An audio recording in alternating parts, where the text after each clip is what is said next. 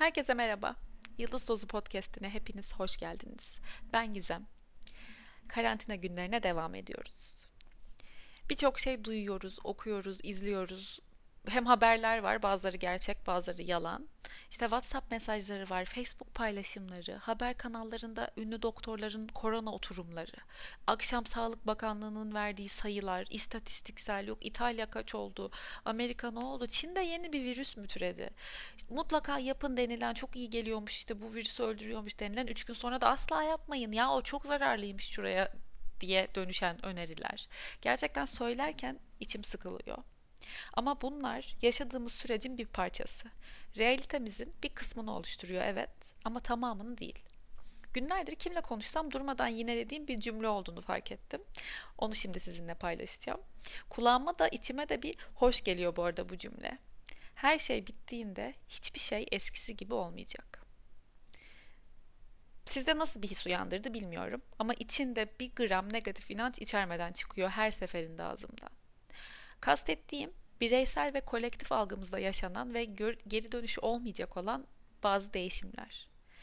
Şu an hem bir durun kendinize bakın, bir de etrafınıza bakın. Sosyal medyada gördüğünüz e, etkileşimde olduğunuz insanlara da bakabilirsiniz. Benzer süreçlerden geçiyoruz. İnsanlar zorla kendine zaman ayırmaya başladı. Resim yapan var, spor yapan var, yemek yapan var, yan gelip yatan var, film izleyen var, dizi izleyen var, kitap okuyan var. Geç saatlere kadar uyuyor birileri, birileri gece yarısına kadar ayakta. Bunların hepsi oluyor. Bunların hepsi okey. Bunların hepsi güzel şeyler ve öyle ya da böyle bir dönüşüme hizmet ediyor. Şimdi biz saniye saniye göremediğimiz için anlamıyoruz belki. Ama bu karantina günleri son bulduğunda hiçbirimiz eskisi gibi olmayacağız neleri yapmayı sevdiğimizi, nelerden hiç hoşlanmadığımızı, kimin neyin bizim için değerli olduğunu, bizi mutlu ettiğini, günlük şeylerin hiç aslında düşündüğümüz gibi ilerlemediğini, o koşturmacanın bizim alıştığımız rutinimizin hangi kısmından aslında ne kadar çok bıktığımızı, zor sandığımız şeylerin hiç o kadar zor olmadığını ve kolay görünenlerin de aslında ne kadar çok emek istediğini öyle ya da böyle fark ettiğimiz günler. Değil mi? Eminim hepimiz bir ev temizledik bu geçen günlerde. Belki iki belki üç delilik seviyesine göre değişir bu tabii. İşte çamaşır suyuyla kapı kolları ovmalar, ışık tuşunu temizlemeler, market alışverişlerini de dezenfekte etmeler. Böyle böyle aslında farkında olmadığımız şeyleri fark etmek ve sindirmek için bir fırsat bence bu karantina süreci. Şimdi ben istiyorum ki bu yükselen bilinçten, değişen algıdan herkes nasibini kolayca alsın. Daha iyi, daha farkında, tırnak içinde daha uyanık dönelim. Dönen çarkın içine, rutinimize. Ben bu süreci oyunlardaki bonus bölümüne benzetiyorum biraz. Şey gibi, demin hatta Tufan da bunu konuşurken ilk bu şekilde bir cümle halinde çıktı ağzımdan. Ee, böyle bölümler olur ya işte bir süre sınırı olur o süre içinde toplayabildiğin kadar altını topla. Süre dolana kadar oyun ne gibi ekstralar veriyorsa böyle senin iyiliğin için topla topla. Çünkü süre dolduğunda normal, görece zor bölüme dönüp koşturmaya ve çabalamaya devam edeceksin.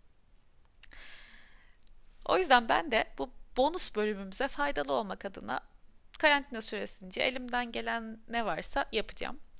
Bu bölüm Bizzat tanıdığım 3 arkadaşıma, 3 değerli psikoloğa, Hüma Çolakoğlu Zengin, Melike Kızıldoğan ve Belis Levi'ye hepimize iyi gelecek bazı sorular yönettim. Onlar da sağ yönettim, yönelttim. Onlar da sağ olsunlar beni kırmadılar, cevaplarını gönderdiler. Ben de onları derledim ve şimdi sizinle paylaşacağım. Bu arada 3 arkadaşımın da hesaplarını açıklama kısmına ekleyeceğim. İlk sorum şuydu. Kişinin kendini bulması, tanıması, daha iyi hissederek yaşaması için kendine sorabileceği ilk aklınıza gelen 5 soru nedir? Huma uzun bir cevap vermiş. Şimdi size onu okuyacağım. İlk sorusu şu. 5 soru istedim ya onun önerdiği ilk soru şu. Günlük hayatımda iyi ve kötü anılarımda kullandığım kaynaklarım neler? İyi ve kötü anlarımda kullandığım kaynaklarım neler? Hepimiz aslında baş etme kaynaklarıyla var oluruz. İçte olan ve bizimle kalan bazı kaynaklarımız vardır. Fakat zamanla bunların bazılarını unuturuz. Kullanmaya kullanmaya veya veya düşüncelerimiz o denli şekillenir ki bize bu kaynakların varlığını unutturur. Öyle ya da böyle unuturuz. Halbuki bir adım geri çekilip şöyle bir baksak neler yapıyoruz iyi anlarımızda ya da zorlandığımızda kendimize yardım edecek neler yapıyoruz. Aslında tekrar göreceğiz o zaman o kaynakları. Bu hem kendimizi hatırlat hatırlamaya yardımcı olur hem de özgüvene sebebiyet verir. İkinci önerdiği soru beni en zorlayan duygu ne? Buraya yönelmek duygularla çok çok bir temasımız kalmamışsa bazen zor olur. Tanımakta zorlanırız bazen duygumuzu. Dolayısıyla buna bir soru daha ekleyeceğim. O da üçüncü soru olsun demiş. Üçüncü soru şu. Hassasiyetlerim neler? Bu hassasiyetleri tanımak, durumlar karşısında verdiğim tepkilerimi anlamla, anlamlandırmaya, muhakememi geliştirmeye ve varsa arzu ettiğim değişime yönlendirebilir beni. Beni en çok zorlayan durum nedir mesela?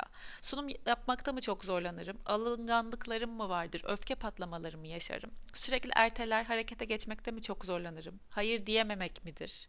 İşte öyle anlarda nedir kendileriyle ilgili olumsuz inançları? Sunumlarda hep çok zorlanırım çünkü her şeyi mahvedip elime yüzme bulaştırmaktan korkarım. Bu cümleyi ele alırsak buraya kadar zaten tamam. Yüz, elime yüzme bulaştırmaktan korkarım dedi ya. Oradaki korkarım demin sorduğumuz zorlayıcı duygulardan birisi olarak, korku olarak gelmiş ve o soruya cevap olmuş oldu. Peki mahvedersen ne olur? Başarısız, yetersiz biri olduğum düşünülür. Mücevap. Eğer öyleyse bu da bana yeterli olmakla ilgili bir meselemin, yetersiz olmakla ilgili bir hassasiyetimin olduğunu söyleyebilir. Bir sonraki önerisi soru olarak Bence yeterince empati egzersiz edebiliyor muyum? Herkesin kendine sorması gereken çok güzel bir soru olurdu diye düşünüyorum zaman zaman demiş. Hem insanın üstünden öfkenin o yükünü alan hem de iletişime etkileşime eviren güzel bir köprü. Duygusal olgunluğun da iyi bir göstergesi.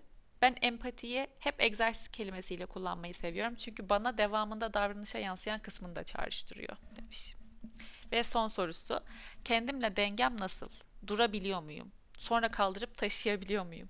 Bu benim çok hoşuma gitti bu arada. Gerektiğinde destek verebiliyor muyum?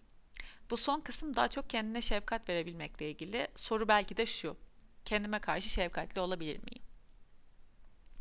Belis Levy'nin, Belis'in bu istediğim 5 soruya cevapları şu şekilde. 1. Neye ihtiyacım var? 2. Önceliklerim neler? 3. Şu an hangisini seçiyorum? Sevgi mi korku mu? Hangisiyle hareket ediyorum? Eğer korkuysa bu kime ait, kimin korkusu? Ve bu korkuyu sevgiye dönüştürebilir miyim? Sevgiyle hareket edebilir miyim? 4. Bu düşünce gerçekten bana mı ait? Ne zaman, nerede öğrendim? 5. Bir problemim var mı ve bunu çözmek için benim yapabileceklerim neler? Benim kontrol edemeyeceklerimi akışa bırakabilir miyim? Melike şöyle cevaplamış. Sorudan ziyade empati kurma manevralarını öğrenmenin ve bunları kullanabilmenin daha anlamlı olduğunu düşünüyorum. Empati olarak bahsettiğimiz kavram kişinin kendisini her konumda görerek düşünebilmesi ve neyi isteyip istemediğine, neyi sevip sevmediğine karar verebilmesi. Yani kendini tanıması açısından önemli bir araç olabiliyor. Empati aynı zamanda bilimsel değil duygusal bir anlamadır. Bu noktada bunu vurgulamak önemli olacaktır. Empati özellikle altı çizilmiş gibi geldi bana üç cevapta da. İkinci yönelttiğim soru psikologlara şuydu. Bugünlerde kay- kaygıyı yönetmek ve korkudan çıldırmamak için ne yapmalı? Melike şöyle cevapladı. Kaygıyı yönetebilme becerisi kaygıyı yönetebilme becerisini elde etmek oldukça kıymetli bir zaman dilimi gerektiriyor ve biz de şu an öyle bir zaman diliminin içindeyiz aslında. İnsanlar biricik, yaşananlar biricik. Bu sebeple kaygıyla baş etme yolları da biricik olacaktır.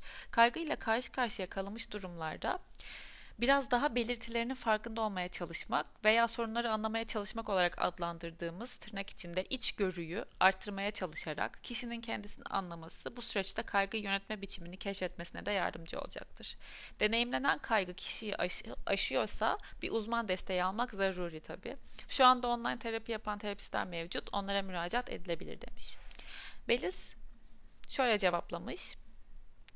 Nefes çalışmaları yapılabilir, günlük tutulabilir, ev, ev içi hareketler e, bulunabilir. Örneğin internet üzerinden yoga, spor programları, meditasyon uygulamaları yapılabilir. Hobi geliştirebilir. Mesela var olanla ilgilenilebilir ya da yeni bir uğraş bulunabilir. Resim yapmak, yemek yapmak gibi. Hüma ise şöyle cevaplamış. Önce kaygı ve korkunun normalleştirilmesinden yanayım sanırım çoğumuz gibi. Öcü ve böcü değil bunlar bizim duygularımız yine bizi korumak adına varlar. Üstelik böyle bir dönemde de oldukça sağlam sebeplerimiz var korkmak ve kaygılanmak için. Biraz bu duygulara yer açmak gerektiğine inanıyorum. Yer açacağız ki sonra görünme çabasıyla olmadık yerlerde ortaya çıkmasınlar. Kaygıyı yönetme kısmına gelince her şeye inanılmaz iyi adapte olan canlılar olduğumuzu hatırlatmakta fayda var diye düşünüyorum. Birçoğumuz aslında bu yeni düzene beklediğimizden daha çabuk uyum sağlıyor olacağız. Eninde sonunda herkese sağlayacak. Devamında önemli olan da bana göre ne kaygımızı pışpışlamak ne de onu sürekli aynı döngüde mahsur bırakmak. Yani aman bir şey yok geçticilik kaygıyla oyunda kaybetmeye mahkumdur kazanamaz.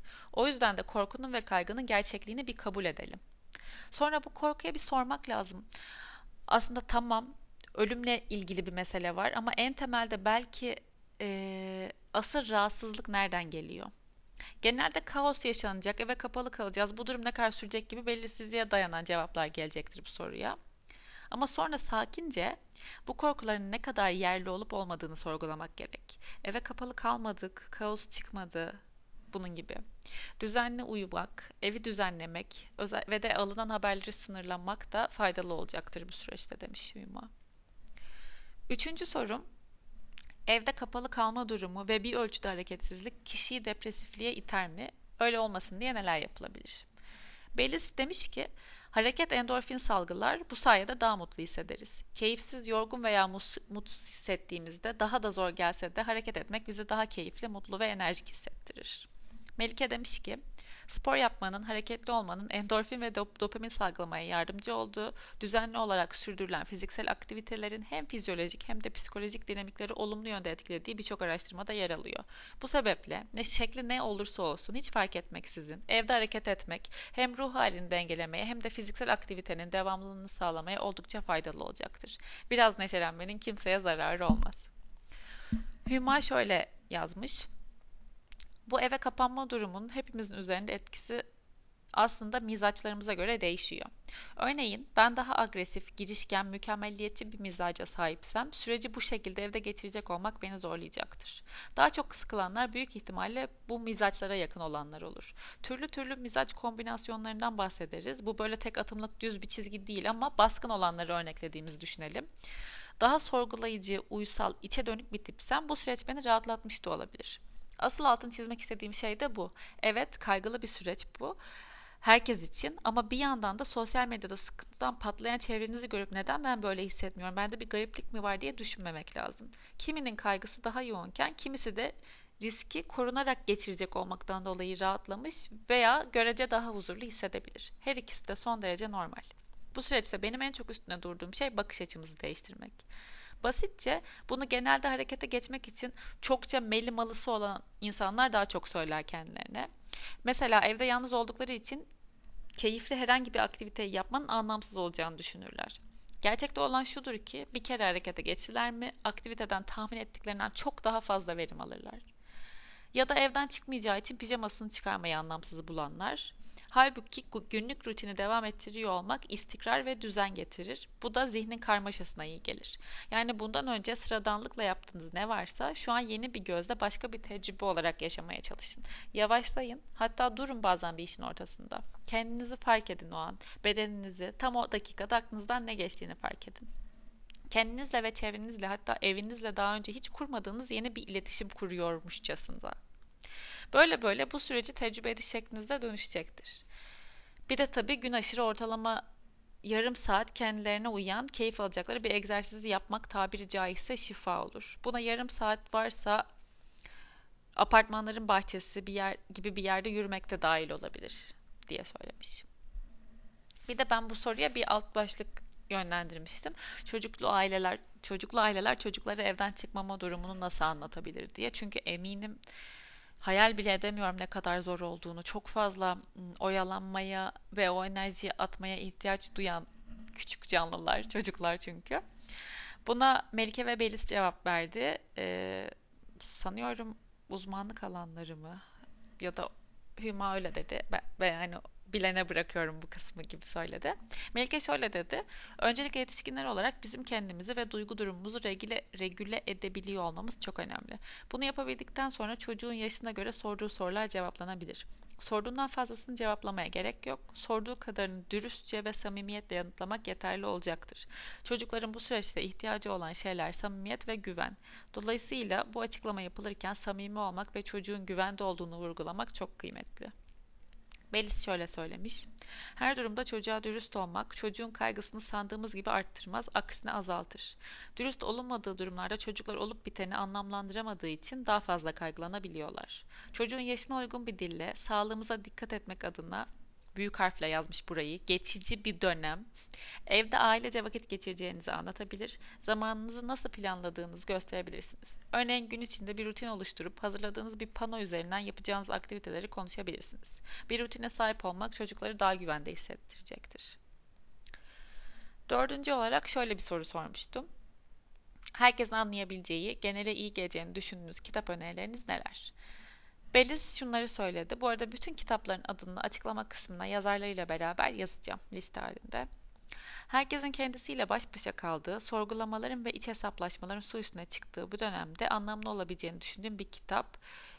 Viktor Frankl, İnsanın Anlam Arayışı. Buna ek olarak Dr. David Burns İyi Hissetmek kitabı herkese iyi gelecektir. Neden güldüğümü birazdan anlayacaksınız. Melike şöyle söylemiş. Kişinin tercih edeceği türden klasikleşmiş her kitabı önerebilirim. Bu süreçte kaostan uzaklaşmak ve soluk alabilmek için farklı türden okunurken akıp giden kitaplar tercih edilebilir. Kişisel favorim Paulo Coelho'dan Simyacı. Ben de çok severim. Huma bir liste yollamış direkt. Ya isimleri yanlış okuyacağım çünkü mecbur. Arno Gruen, Empatinin Yitimi. Brett Carr, Freud'dan Hayat Dersleri. Depresif hissedecek olmaktan endişe eden varsa özellikle David Burns, iyi hissetmek iki oldu. Nihan Kaya, iyi aile yoktur. Bilge Selçuk, insan her koşulda. Mehtap Güngör, Ukde. David Burns'ü e, Deniz Bağan'la yaptığımız Yıldız Tozu Saçan Kadınlar bölümünde de konuşmuştuk. E, yani bu kitapta bir şey var. Uzmandan yani kişisel gelişimden öyle hobi olarak ilgileneninden uzmanına, psikoloğuna gördüğünüz gibi herkes bu kitabı söylüyor. Ben de sipariş ettim, almamıştım hala.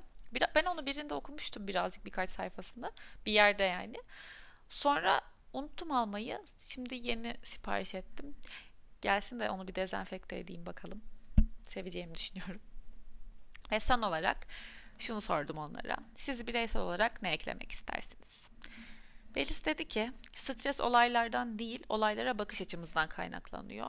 Bu nedenle yaşadığımız duruma olan bakış açımızı değiştirebilirsek stres seviyemizi azaltabiliriz. Bu neden başıma geldi? Bu süreç ne zaman bitecek diye sormak yerine bu bana ne öğretmeye çalışıyor? Benim bu süreçten öğrenebileceklerim neler diye sorabilmek büyük fark yaratacaktır. Kesinlikle katılıyorum. Melike dedi ki Evden çıkmama halini anne karnına veya küçüklüğe, o biricik halimize dönüşe benzetiyorum. O zamanlar hep rahat ve güvenli. Sanırım hepimiz ilk hafta oldukça güvende ve dinlenmiş hissettik. Sonrasında gelen kaygı, hep burada mı kalacağım, ya istediklerimi yapamazsam korkuları. Bu da sanki aileden ayrışma isteği ve yeniden doğuş gibi. Çok zorlayıcı bir dönemden geçiyoruz. Bitişinde birçok şeyin eskisi gibi olmayacağı, uzun bir iyileşme sürecinden geçeceğimiz ve hepimizin korku içinde güvenmeyi yeniden öğrenerek bir kere daha büyüyeceği bir dönem. Dolayısıyla, dolayısıyla bu sürecin sonunda eğer psikolojik olarak yardıma ihtiyaç duyuluyorsa kaçınmadan, aksatmadan bir uzman desteği alınması oldukça kıymetli olacaktır. Melike'nin bu benzetmesi de beni çok tüylerimi diken diken etti. Gerçekten geri dönüş nasıl olacak bakalım. Hüma şöyle demiş. Süreci 100 metre koşu değil maraton gibi görürsek belki psikoloji iyi oluş halimizde buna uyumlayabiliriz. Bizi en çok destekleyecek şeylerden biri öz bakımı devam ettirmek ve tek de olsak birileriyle de olsak bu süreçte kendimize iyi gelecek şeyleri yapmak için vakit ayırmak olur. Yani tekseniz bütün gün dizi izlerken diyelim ki bir saatiniz daha farklı egzersiz yapmak, bir kitap okumak, belki müzik dinlemek, kek yapmak, meditasyon yapmak, çizim yapmak, bir kahve içmek gibi sizi yenileyen, iyi hissettiren başka bir şeyleri eklemek faydalı olacaktır o dizi izlediğiniz günün içerisine. Eğer bu süreçte alanınızı birileriyle paylaşıyorsanız da yine tek başınıza bunları yapacağınız bir zamanınız olduğundan emin olun. Eğer eşiniz ya da partnerinizle aynı anda home office'seniz mümkünse belirli sürelerle en azından ayrı odalarda çalışmayı tercih edin. Sorular ve cevaplar bu şekildeydi.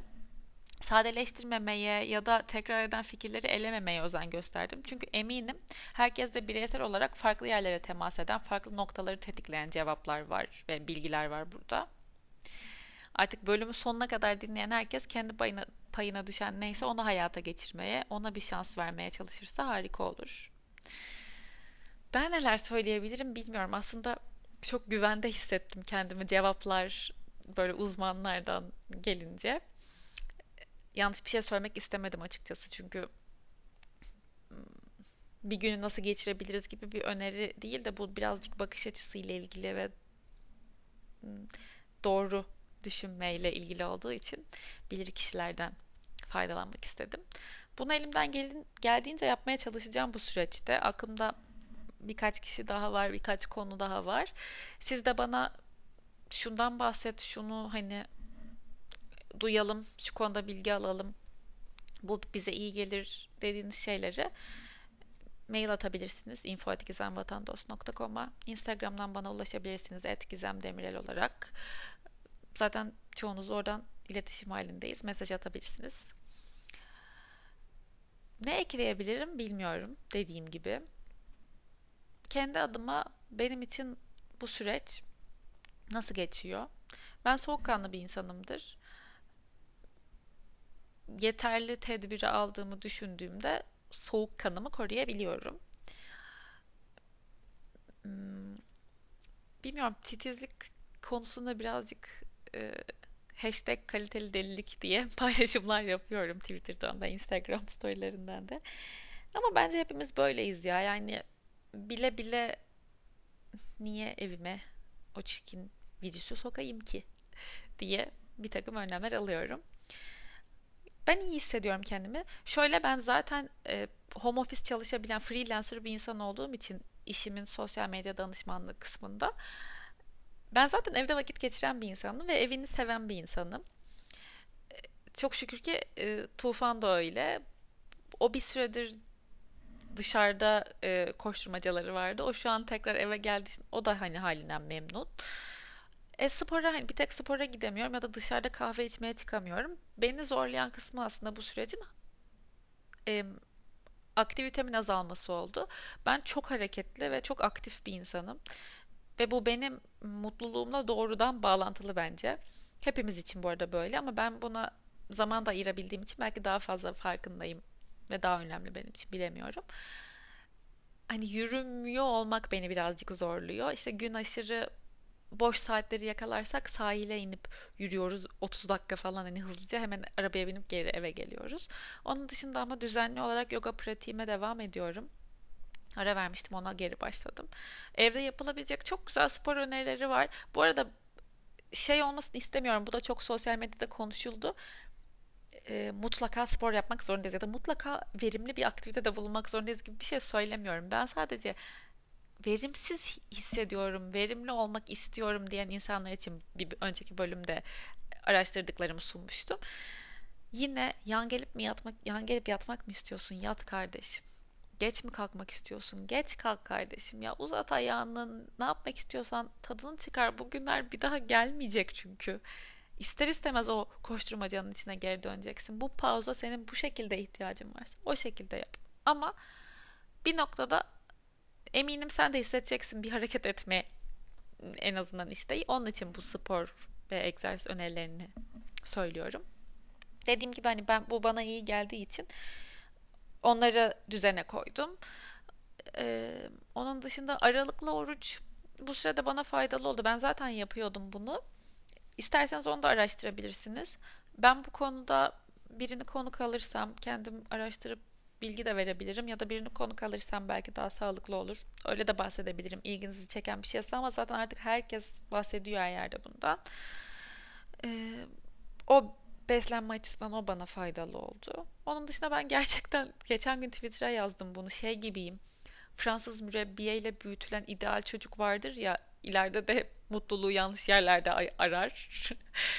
öyle gibiyim yani günü öyle bir dolduruyorum ki bana iyi geldiği için işte yoga online o size bahsettiğim üniversite kurs şeyleri var diye onlardan birine iki tanesine kaydoldum. İşte Fransızcayı hatırlamak için Fransızca dersine giriyorum. Fibonacci sayılarıyla ilgili bir ders almıştım. Ona giriyorum. Ee, one line drawing diye bir şeye başladım. Onun videolarını izleyip onu pratik etmeye çalışıyorum. İşte e, onun dışında ne yapıyorum? Yemek yapıyorum. Kitap okuyorum. Böyle inanılmaz derecede ben bonus bölümünde altınları topladığımı hissediyorum kendime göre. Yani benim için güzel geçiyor.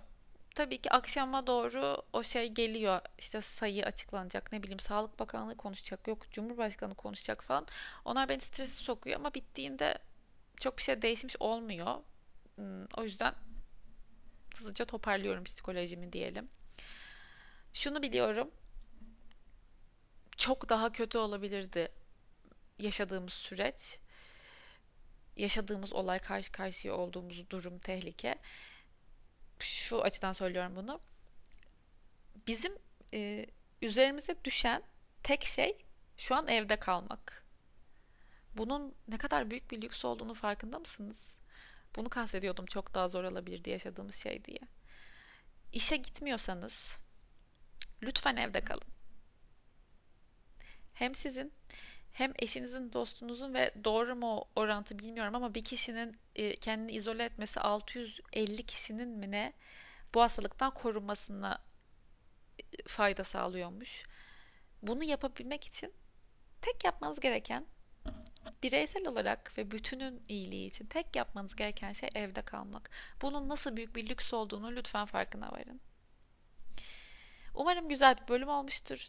Umarım içinize sinen, aklınıza yatan, size iyi gelecek bir şeyler duymuşsunuzdur. Dinlediğiniz için teşekkür ederim. Ben güzel günlerin, güneşli günlerin geleceğine inanıyorum. Umarım bu süreç yumuşak bir şekilde geçer ve buradan çıkıp normal hayata, ada, hayata adapte olmamızda böyle tereyağından kıl çeker gibi olur diye umuyorum, diliyorum. Güzel günlere inanalım. Herkesi çok sevgiyle uzaktan kucaklamıyorum da ayak ve el tokuşturuyorum değmeden böyle pıt pıt yaparak. Yok dirsek tokuşturuyorum pardon. Bir sonraki bölümde görüşürüz. Kendinize çok iyi bakın.